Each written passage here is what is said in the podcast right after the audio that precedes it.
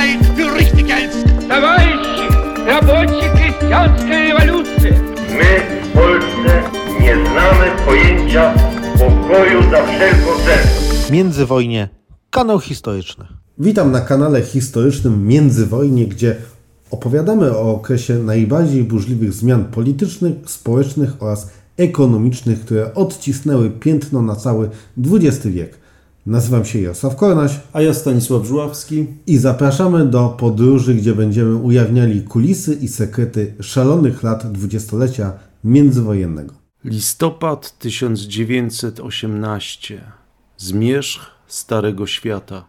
Witam Państwa w pierwszym odcinku serii Międzywojnie i tytułem takiego szerszego wstępu do naszego pierwszego odcinka pozwolę sobie zacytować i fragment książki właśnie Stanisława Żuławskiego, który razem ze mną prowadzi ten podcast. Jest to książka przed Hitlerem od czerwonego karnawału do brunatnej twierdzy Monachium 1918-1919. Wieczorem 7 listopada 1918 roku trzy samochody z niemiecką delegacją ostrożnie przejechały przez koszmarny krajobraz kraterów artyleryjskich, drutów kolczastych na ziemi niczyjej w północnej Francji, podczas gdy niemiecki trębacz ogłaszał rozejm, a inny żołnierz machał białą flagą. Niemieccy wysłannicy przesiedli się do francuskiego samochodu, a następnie wsiedli do pociągu i podróżowali przez całą noc. O świcie 8 listopada wjechali na bocznicę kolejową w lesie Kąpień, obok wagonu marszałka Fosza. To właśnie tam miało odbyć się spotkanie z przedstawicielami Etenty. Niemcy weszli do środka. Nie było żadnych Amerykanów. Po stronie alianckiej dwóch Anglików i marszałek Ferdynand Foch i generał Weygand. Niemców chłodno przywitał Foch. Z kim mam honor rozmawiać? Z przedstawicielami niemieckiego rządu, odpowiedział Matthias Erzberger. Co was tu sprowadza? Niemiecka obietnica aliancka, by przedstawić warunki rozejmu. Nie mam nic do zaoferowania. Zapadła ciężka, niezręczna cisza. Foch doskonale zaplanował sobie tę rozgrywkę. Przedstawiając się w roli gospodarza, ustawił delegację niemiecką w roli pokornych petentów, którzy biernie oczekują instrukcji. Nie było już mowy o równych pertraktacjach.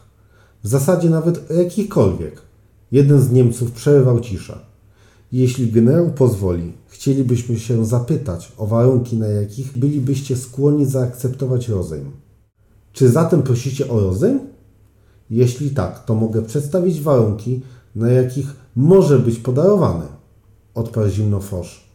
Po czym skinął na Weiganda, by ten zaczął je czytać. Od razu jednak zaznaczył. Nie podlegają one negocjacji. Możecie je albo zaakceptować, albo odrzucić. Weigand przeczytał 14 miażdżących punktów, na które Niemcy mieli bezwarunkowo przystać. Mieli zaledwie 72 godziny. O godzinie 5, 11 listopada, deputowany partii Centrum Matthias Erzberger podpisał rozejm na warunkach absolutnie upokarzających dla Niemiec. Rzesza zobowiązała się do niezwłocznej, do dwóch tygodni ewakuacji zajmowanych obszarów północnej Francji, Belgii oraz Alzacji i Lotaryngii. Praktycznie cały pozostawiony sprzęt wojenny miał trafić w ręce aliantów.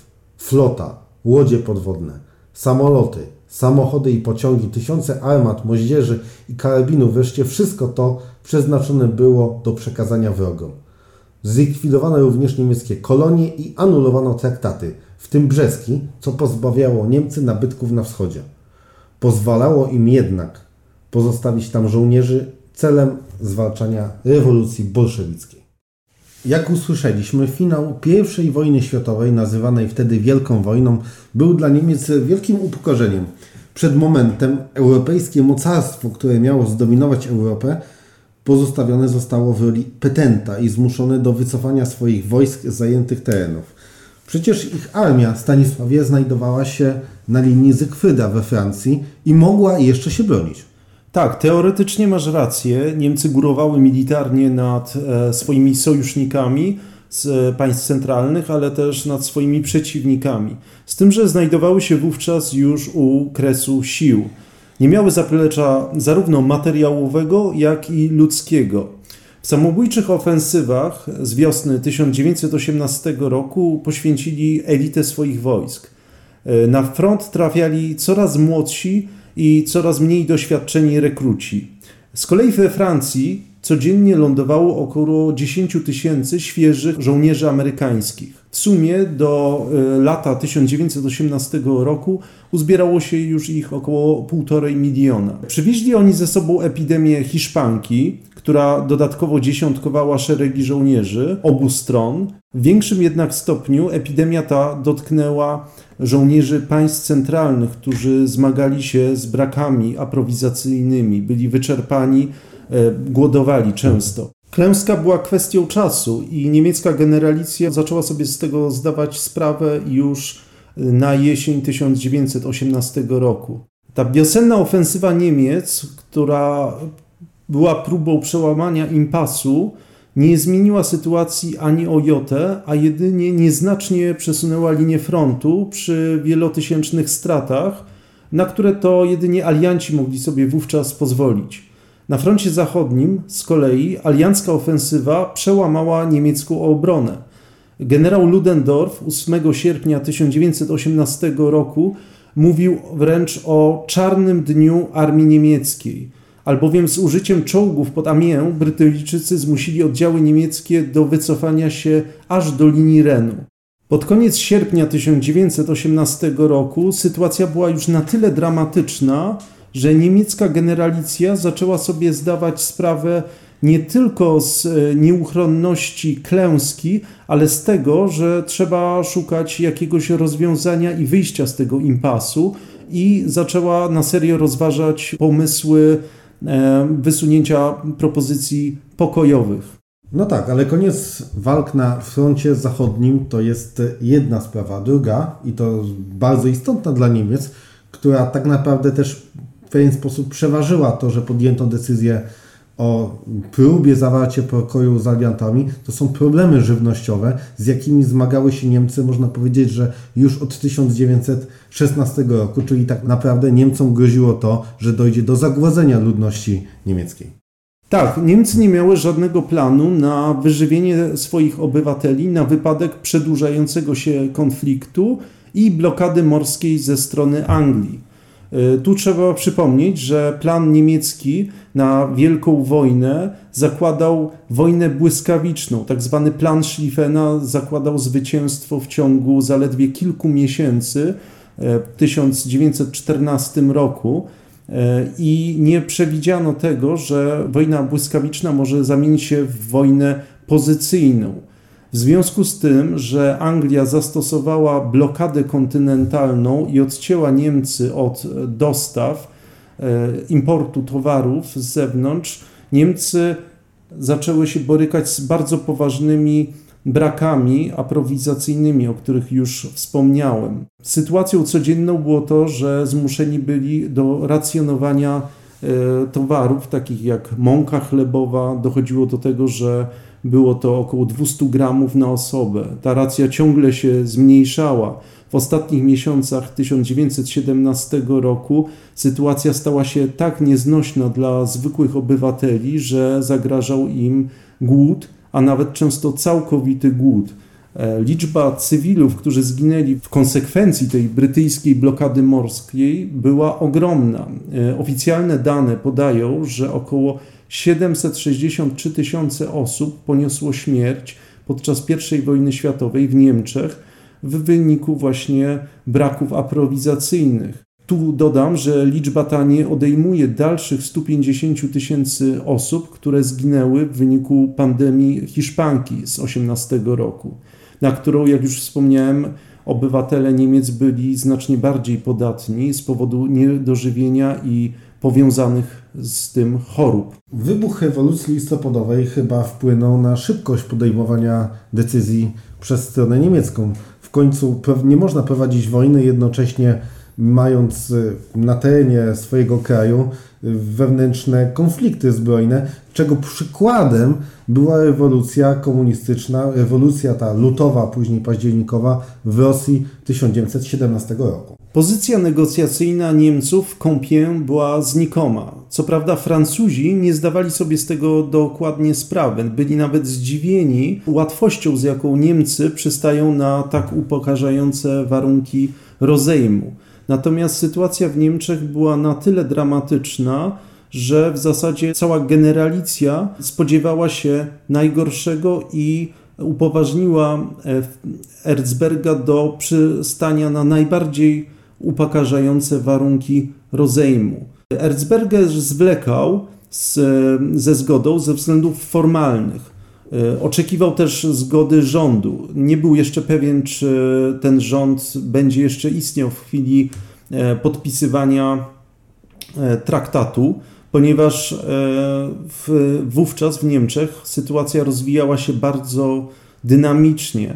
9 listopada ogłoszono abdykację cesarza.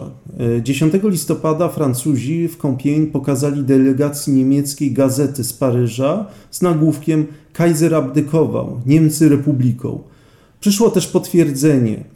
Friedrich Ebert, szef tymczasowego socjaldemokratycznego rządu, zobowiązał oficjalnie Erzberga do złożenia podpisu. To samo przekazał też szef armii, generał Paul von Hindenburg. Polecał on wcześniej próbę wynegocjowania ustępstw. Jeśli jednak to nic nie da, nakazywał podpisać zobowiązania bez względu na żądania Ententy. W zamian Niemcy otrzymywały od państw Ententy rozejm z perspektywą zawarcia pokoju. Natomiast w formie, można powiedzieć, takiego szantażu utrzymano nadal blokadę morską, co nadal pogłębiało istniejący już kryzys zaopatrzeniowy i utrudniało sytuację wewnętrzną, ponieważ Niemcy już wtedy borykały się z rozgorzałą w listopadzie 18 roku rewolucją, tak zwaną rewolucją listopadową. Stanisławie, a jak wyglądał przebieg tej rewolucji w Niemczech? Bo ta rewolucja była jednak trochę inna niż rewolucja w Rosji w 1917 roku. Tak, ta rewolucja w przeciwieństwie do rewolucji październikowej, jeśli mówimy o rewolucji październikowej, a to w zasadzie puczu Lenina, ta rewolucja niemiecka miała przebieg początkowo spontaniczny, była takim naturalnym zrywem zmęczonych robotników i żołnierzy, w zasadzie żołnierzy. Tu trzeba przypomnieć, że przez Niemcy przetaczały się już w 1917 roku fale potężnych strajków. Też nasilenie przyszło w styczniu 1918 roku. Też do tego przyczynili się Rosjanie, a konkretnie bolszewicy, którzy wykorzystywali tą sytuację, w której znalazły się Niemcy, do podżegania, do agitacji rewolucyjnej. Wysłali do Niemiec około 60 tysięcy ulotek i broszur o treści rewolucyjnej oraz kilka tysięcy egzemplarzy Państwa i rewolucji Lenina, które przemycono ze Szwecji i Szwajcarii do Rzeszy. Już w lecie 1917 roku doszło do pierwszego, wtedy nieudanego jeszcze buntu marynarzy. Marynarze znużeni wyczekiwaniem na walkę w portach Kiloni i Wilhelmshaven, kiepską dietą i perspektywą gnicia w dokach, podjęli się zbrojnych wystąpień. Głównych prowodyrów aresztowano oraz fala aresztowań dotknęła tysiąc osób, które związane były z agitacją rewolucyjną. Natomiast do pierwszego, większego i zarazem udanego wystąpienia marynarzy doszło 3 listopada 18 roku właśnie w Kilonii. Sprowokowane było rozkazem marynarki wojennej z 24 października tego roku wydania ostatniej samobójczej bitwy brytyjskiej flocie na Morzu Północnym. Na statkach wybuchł bunt. Marynarze nie mieli już wtedy nic do stracenia. Operację odwołano, ale było już za późno. W ciągu dnia zbuntowani żołnierze opanowali miasto, a bunt poparli lokalni robotnicy. W kontrolowanym przez siebie mieście rewolucjoniści stworzyli na wzór sowiecki rady żołnierskie i robotnicze. Ta fala wystąpień rozprzestrzeniła się bardzo szybko na kolejne porty, na Hamburg, Bremę, Lubeckę, Wismar, Cuxhaven i Tylże. E, to nie wszystko. Korzystając z kolei, żołnierze, e, a wraz z nimi ta rewolucja, która przeszła do historii jako rewolucja listopadowa, ruszyła w głąb Niemiec. E, w ślad za miastami portowymi poszły większe miasta niemieckie: Monachium, Kolonia, Brunswick, Drezno i w końcu Berlin. E, szczególnie istotna była rewolucja w Monachium. Tam 7 listopada upadła najstarsza niemiecka monarchia rodu Wittelsbachów. Potem kolejno obalono bez większego oporu około 22 niemieckich królów i książąt. E, ostatnim w kolejce był właśnie cesarz Wilhelm II. Zastanawiam się, Stanisławie, dlaczego cesarz i generalicja nie próbowali siłowo ugasić buntu w centrum kraju, gdzie wybuchały nagle te różne rewolucje. Przecież y, można było ugasić ten bunt i prowadzić dalej wojnę, a tutaj postanowiono powołać nowy socjaldemokratyczny rząd pełnomocników ludowych i dochodzi do tego, że cesarz nagle abdykuje i ucieka do Holandii. Sam cesarz bynajmniej nie kwapił się do abdykacji i jak najbardziej nosił się z zamiarem siłowego zdławienia rebelii. Trzeźwo powstrzymywała go przed tym sama generalicja. Abdykacja cesarza była przedmiotem sporu wśród kół rządowych już od późnej jesieni, kiedy stało się jasne, że USA stawiają to jako warunek sine qua non dalszych pertraktacji pokojowych. Generalicja, jak już mówiłem, była świadoma klęski już pod koniec września 1918 roku. W dniu zawarcia przez sojuszniczą Bułgarię zawieszenia broni 19 września Ludendorff i Hindenburg przedstawili cesarzowi Wilhelmowi II ocenę bieżącej sytuacji i perspektywy na przyszłość. Ta rysowała się w jak najczarniejszych barwach. Ludendorff przekonywał cesarza, że porażka Niemiec jest nieuchronna w obliczu załamania się morale żołnierza. Jednocześnie obwinił za ten stan rzeczy lewicę w Reichstagu. Konkluzja była więc następująca. Niemcy jak najszybciej powinni zawrzeć rozejm i pokój, ale nie na warunkach francuskich, które byłyby nie do zaakceptowania, lecz na warunkach amerykańskich, Panowało bowiem przekonanie, że prezydent Woodrow Wilson prezentuje postawę bardziej ugodową i dąży do tak zwanego sprawiedliwego pokoju w Europie, zaś Francja, co było dla wszystkich oczywiste, była nastawiona spośród wszystkich państw Ententy najbardziej rewanżystowsko. Z powodów oczywistych, jako ten kraj, który fizycznie najbardziej ucierpiał na walkach i na tym, że linia frontu przebiegała przez jego terytorium. Problem był też inny. Po czterech latach propagandy sukcesu, po czterech latach motywowania żołnierza ostatecznym wysiłkiem i niezbędnym poświęceniem, e, po którym miał nastąpić tak zwany Siegfrieden, czyli zwycięski pokój, generalicja i koła rządowe musiały ogłosić rozejm na warunkach wrogach, co było takim e, przyznaniem się de facto do porażki i do tego, że społeczeństwo było przez ten czas oszukiwane. I pojawia się chytry plan generała Ludendorffa, który był swego rodzaju krokiem w przód. Dokładnie. Ten rozejm i następujący po nim pokój był trochę jak gorący kartofel, z którym nikt z elit wojskowych nie chciał sobie sparzyć rąk. Ludendorff wobec tego zaproponował coś jeszcze, iście przewrotny plan, odgórną rewolucję, czyli dobrowolną demokratyzację ustroju politycznego. Rozwiązanie takie miało następujące zalety. Z jednej strony uspokajało żołnierzy, w końcu ich reprezentanci, głównie z obozu socjaldemokracji, będą u steru władzy, ale też w następstwie tego przenosiło cały ciężar hańby, potencjalnej hańby za podpisanie rozejmu i pokoju, które to, jak już wspomniałem, nie mogły być dla Niemiec korzystne, na siły centrowe i socjaldemokratyczne.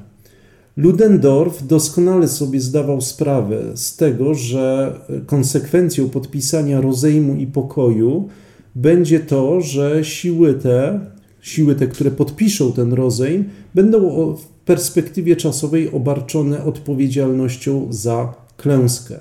Miał powiedzieć coś takiego: Niech wypiją piwo, którego nam naważyli.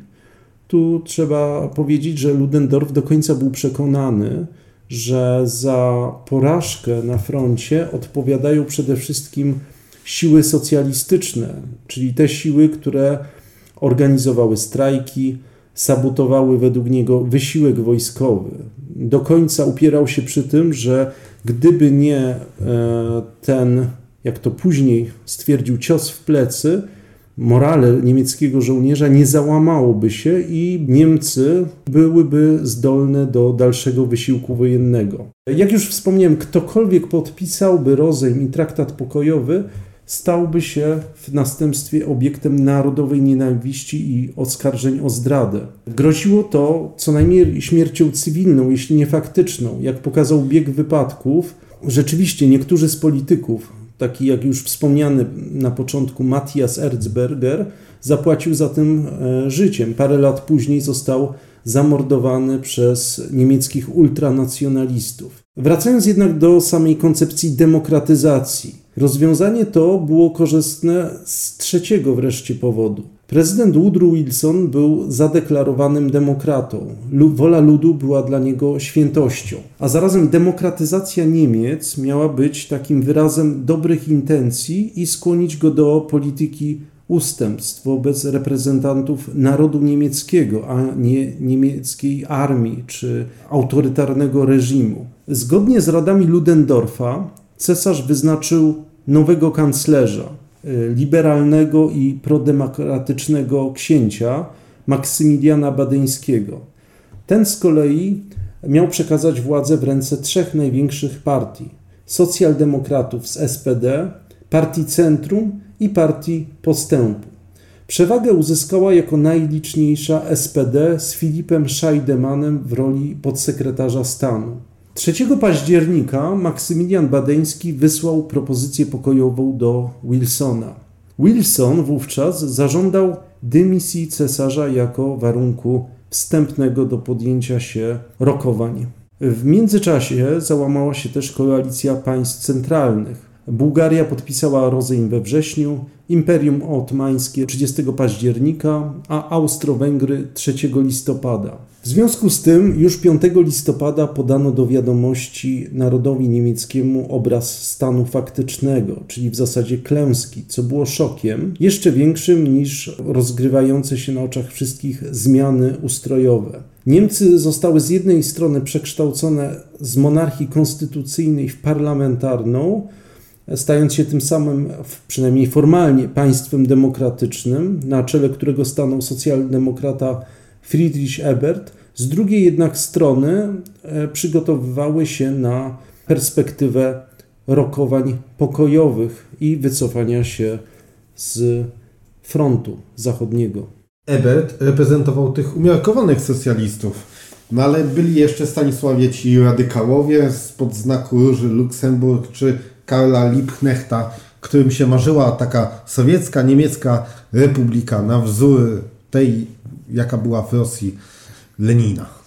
E, no dokładnie. Na mocy amnestii, e, do której właśnie doszło w wyniku demokratyzacji ustroju, wypuszczono z więzień działaczy socjalistycznych, w tym właśnie wspomnianych przez Ciebie radykałów, Róże Luksemburg i Karola Liebknechta. Też tu trzeba wspomnieć, że wypuszczono na mocy tej samej amnestii Kurta Eisnera, który wywołał rewolucję socjalistyczną w Monachium. Ci wspomniani właśnie Róża Luksemburg i Karol Liebknecht 8 listopada reanimowali komunistyczny związek Spartakusa. Różnił się on tym od e, większościowych socjaldemokratów z SPD, że od początku reprezentował postawę pacyfistyczną, czyli antypatriotyczną.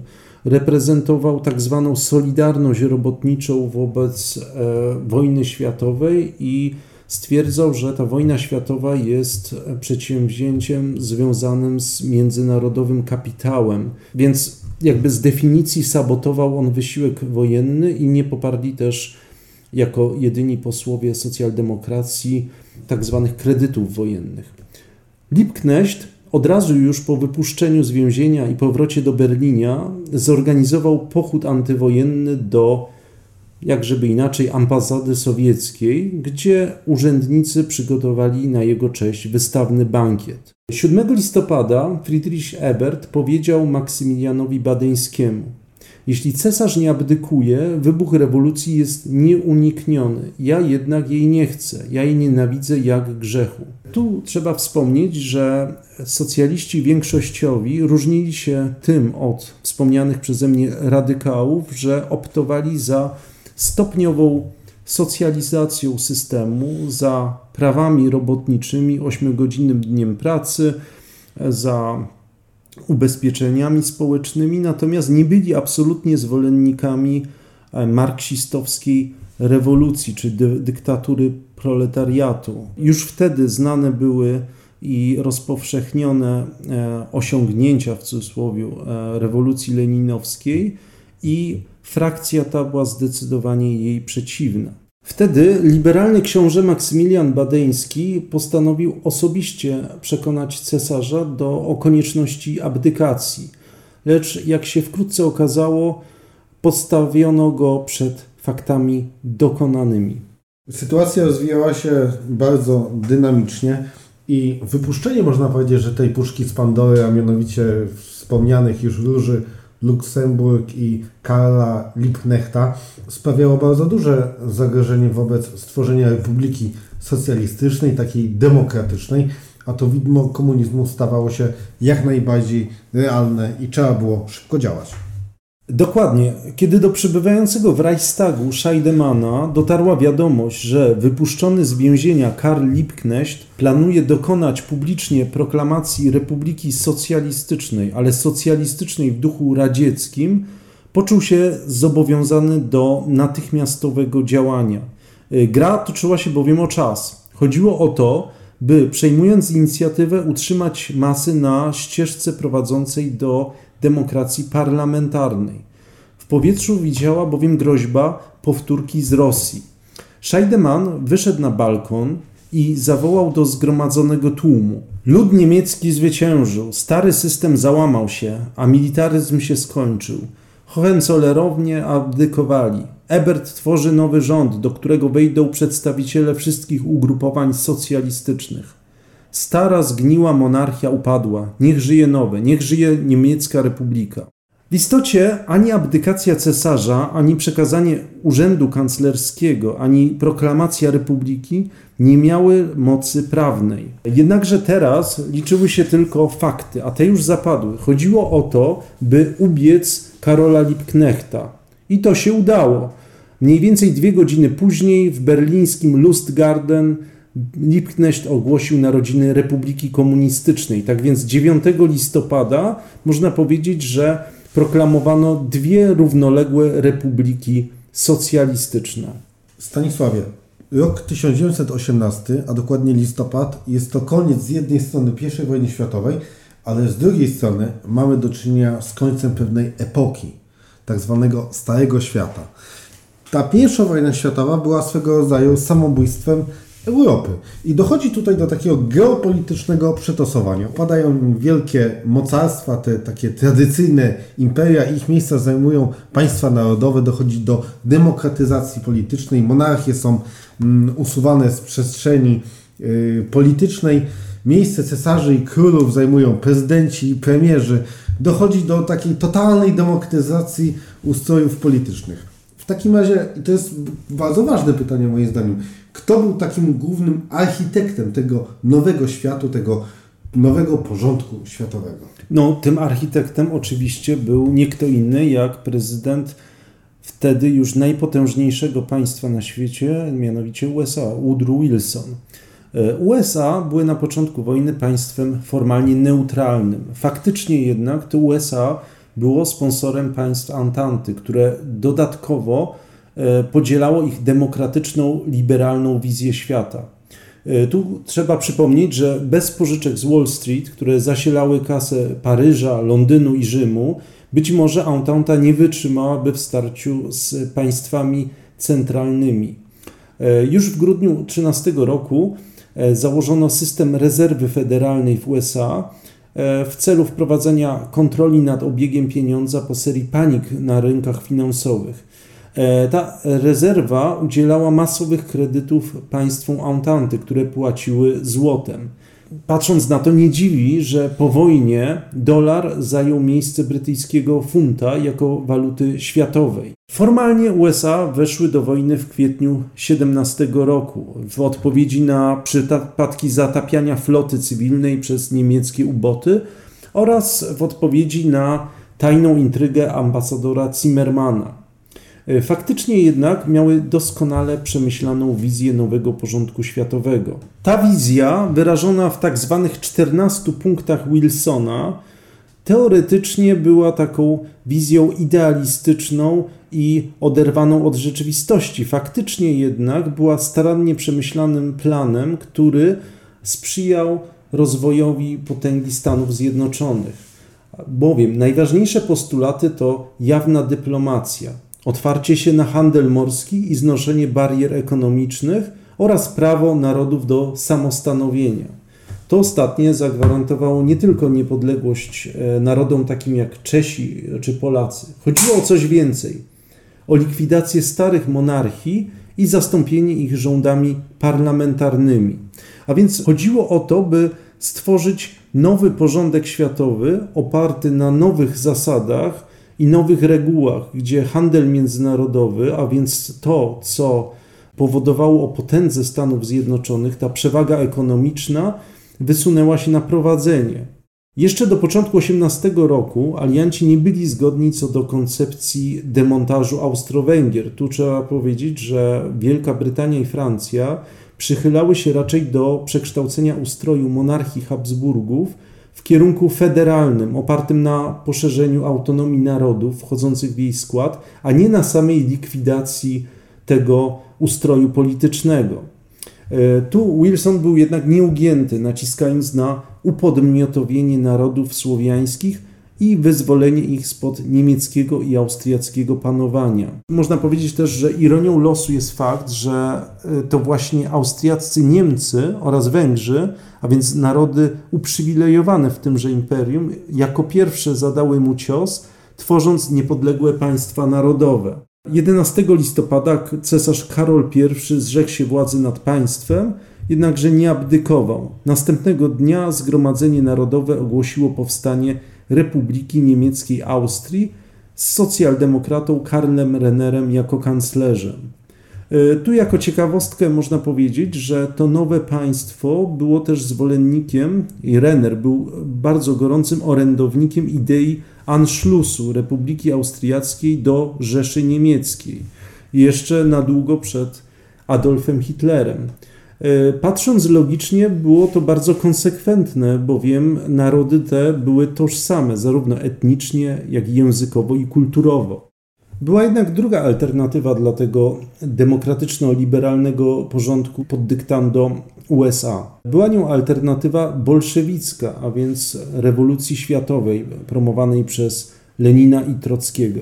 Tak, alternatywa bolszewicka, która przychodziła z Rosji, była konkurencją wobec y, koncepcji Wilsona, a z drugiej strony też y, była przeciwieństwem do tego starego systemu monarchistycznego. I y, komuniści rzeczywiście chcieli wywołać rewolucję w całej Europie, a potem też były te plany, żeby na całym świecie. Oczywiście mm, ta koncepcja była pewnym takim myśleniem życzeniowym, ale jakby nie popatrzeć na to, co się działo w Europie Środkowo-Wschodniej, to jednak dochodziło do tych rewolucji w różnych miastach, na, przy, na przykładzie Niemczech, czy no, doszło do tego pochodu ze strony e, Sowietów e, na zachód, a jeszcze tutaj trzeba wspomnieć o rewolucji na Węgrzech, która no, krwawo została e, powstrzymana.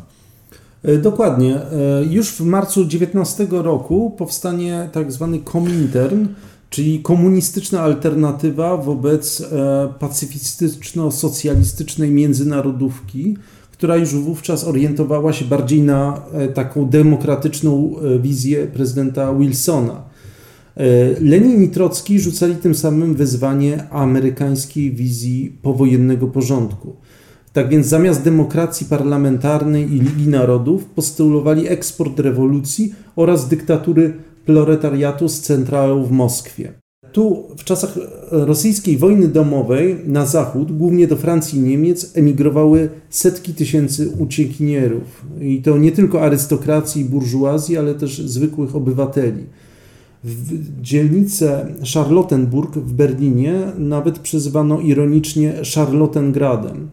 I wtedy to na Europę padł taki blady strach przed tak zwaną azjatycką dziczą, uosobianą przez apostołów rewolucji Lenina i Trockiego. Opowiadano o bezmiarze przemocy i terroru, który dokonywał się w kraju rad.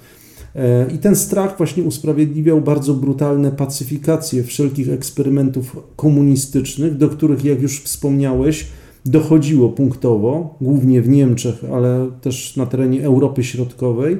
I tu jeszcze można byłoby wspomnieć o całej ofensywie bolszewickiej roku 20, którego, którą powstrzymała Polska. I ten strach właśnie przed bolszewizmem utorował drogę nowemu kierunkowi politycznemu, mianowicie faszyzmowi, który w założeniu miał być radykalną, ale jednak odpowiedzią na komunizm. I dochodzimy tutaj do takiego wątku polskiego, a mianowicie 8 listopada Niemcy wypuszczają z więzienia w Magdeburgu Józefa Piłsudskiego. I patrząc się na to, że Niemcy prowadzą pewną taką politykę mm, twardą i myślą w przód, chociaż nie zawsze im to wychodzi, ale jednak wypuszczenie Józefa Piłsudskiego był, był to pewien zamysł polityczny, który miał do czegoś doprowadzić, bo tak po prostu niektóre osoby się nie wypuszcza. I jaka, jaka była historia właśnie związana z Józefem Piłsudskim i nagłym jego wypuszczeniem w Magdeburgu właśnie w tym tak drażliwym i ważnym momencie w historii? No przypomnijmy, dlaczego w ogóle Piłsudski przebywał w owym Magdeburgu. W 1917 roku rozpoczęto organizowanie tzw. Tak polskiej siły zbrojnej, Polnische Wehrmacht. E, I to spowodowało konieczność złożenia przysięgi na wierność cesarzowi Wilhelmowi II. E, legioniści związani z Piłsudskim odmówili, wywołało to tzw. Tak kryzys przysięgowy, e, w związku z czym internowano ich. Piłsudskiego internowano do takiego, można powiedzieć, w miarę luksusowego więzienia w Magdeburgu. Pod koniec jednak października 18 roku, kiedy zmieniła się sytuacja polityczna w Niemczech, kiedy e, rząd uległ demokratyzacji, uformowano nowy gabinet, skorzystano z okazji tego nowego otwarcia i postanowiono wykorzystać Piłsudskiego. E, wykorzystać go w ten sposób, że e, jako najmniej antyniemieckiego polityka z polskich przedstawicieli polskich elit, E, uznano, że będzie on skutecznym organizatorem państwa polskiego w formie państwa buforowego, który zabezpieczy interesy niemieckie na wschodzie, to znaczy umożliwi Niemcom zabezpieczenie się od potencjalnej groźby rewolucji bolszewickiej. Tak więc ten wróg bolszewizmu, Piłsudski, mimo że był socjalistą, był zdecydowanym przeciwnikiem bolszewizmu, miał być zabezpieczeniem przed Rosją bolszewicką. Tych rozmów z Piłsudskim podjął się jego dawny wojskowy znajomy, dyplomata hrabia Harry Kessler. 8 listopada zwolniono go z twierdzy. Jeszcze tydzień wcześniej oczekiwano od Piłsudskiego złożenia deklaracji lojalności. Jednakże, jako że, jak już wspomniałem, sytuacja zmieniała się bardzo dynamicznie, na ulicach Berlina wrzała rewolucja, E, nie tracono nawet na to czasu. Jako, że połączenia kolejowe zostały zerwane przez zrewoltowanych żołnierzy, na uwolnionych czekał podstawiony samochód. Pojechano natychmiast do Berlina. Tam trafili w samo centrum rewolucji. E, tu ciekawostka, Piłsudski będąc naocznym świadkiem tych zajść, mógł się przekonać na własne oczy, w jak fatalnej pozycji przetargowej znajdują się Niemcy. Wspomniany Harry Kessler zdał w swoich dziennikach fascynującą relację z tych wydarzeń. Tu możemy zacytować kilka zdań dających obraz tamtych chwil. Od Piłsudskiego poszedłem do ministerstwa, aby załatwić dla obydwu Polaków jakiś pociąg specjalny. Na rogu Kunig-Gracer i Schönbergerstrasse sprzedawano wydania specjalne gazet. Abdykacja cesarza. Mimo wszystko ścisnęło mi gardło. Taki koniec domu Hohenzollernów, taki żałosny, nieistotny, nawet nie w centrum wydarzeń. Przebrałem się w domu w ubranie cywilne, ponieważ oficerom zrywano epolety i kokardy. Potem udałem się do hotelu Hillera. U Hillera wydawałem o 14 śniadanie dla Piłsudskiego, Sosnkowskiego, Hermana Hatzfelda i rotmistrza von Gilpena, który nas wczoraj przywiózł z Magdeburga. Dziwny był nastrój w tej zacisznej, pogrążonej w półmroku salce, przy dobrym winie i jedzeniu, w towarzystwie tak osobliwego człowieka jak Piłsudski, kiedy na zewnątrz wrzała rewolucja. Sostkowski i ja wypiliśmy jako starzy towarzysze broni Bruderschaft. Piłsudski był poważnie przygnębiony, ponieważ obawiał się skutków wrażenia, jakie mogą w Polsce wywołać wydarzenia w Niemczech. Rewolucja rosyjska niewiele tam zdziałała, jako że Polacy uważają Rosjan za Azjatów. Natomiast kiedy Niemcy, cywilizowani ludzie Zachodu, robią rewolucję, to będzie to miało niewyobrażalne skutki. Wyszliśmy dopiero piątej. Aleja Unter den Linden była ciemna i dość pusta, ale nieustannie mijały nas trąbiące, warkoczące, oflagowane na czerwono ciężarówki z uzbrojonymi ludźmi. Wyjazd Piłsudskiego do Warszawy można powiedzieć, że kończy pewien okres w historii Niemiec. Z drugiej strony zaczyna kolejny, a mianowicie Niemcy mają cały czas, zaczyna się u nich problem związany z tymi rewolucjami komunistycznymi. Rozgrywa się walka o to, żeby system był demokratyczny, żeby ta rewolucja nie, nie rozprzestrzeniła się na Niemcy.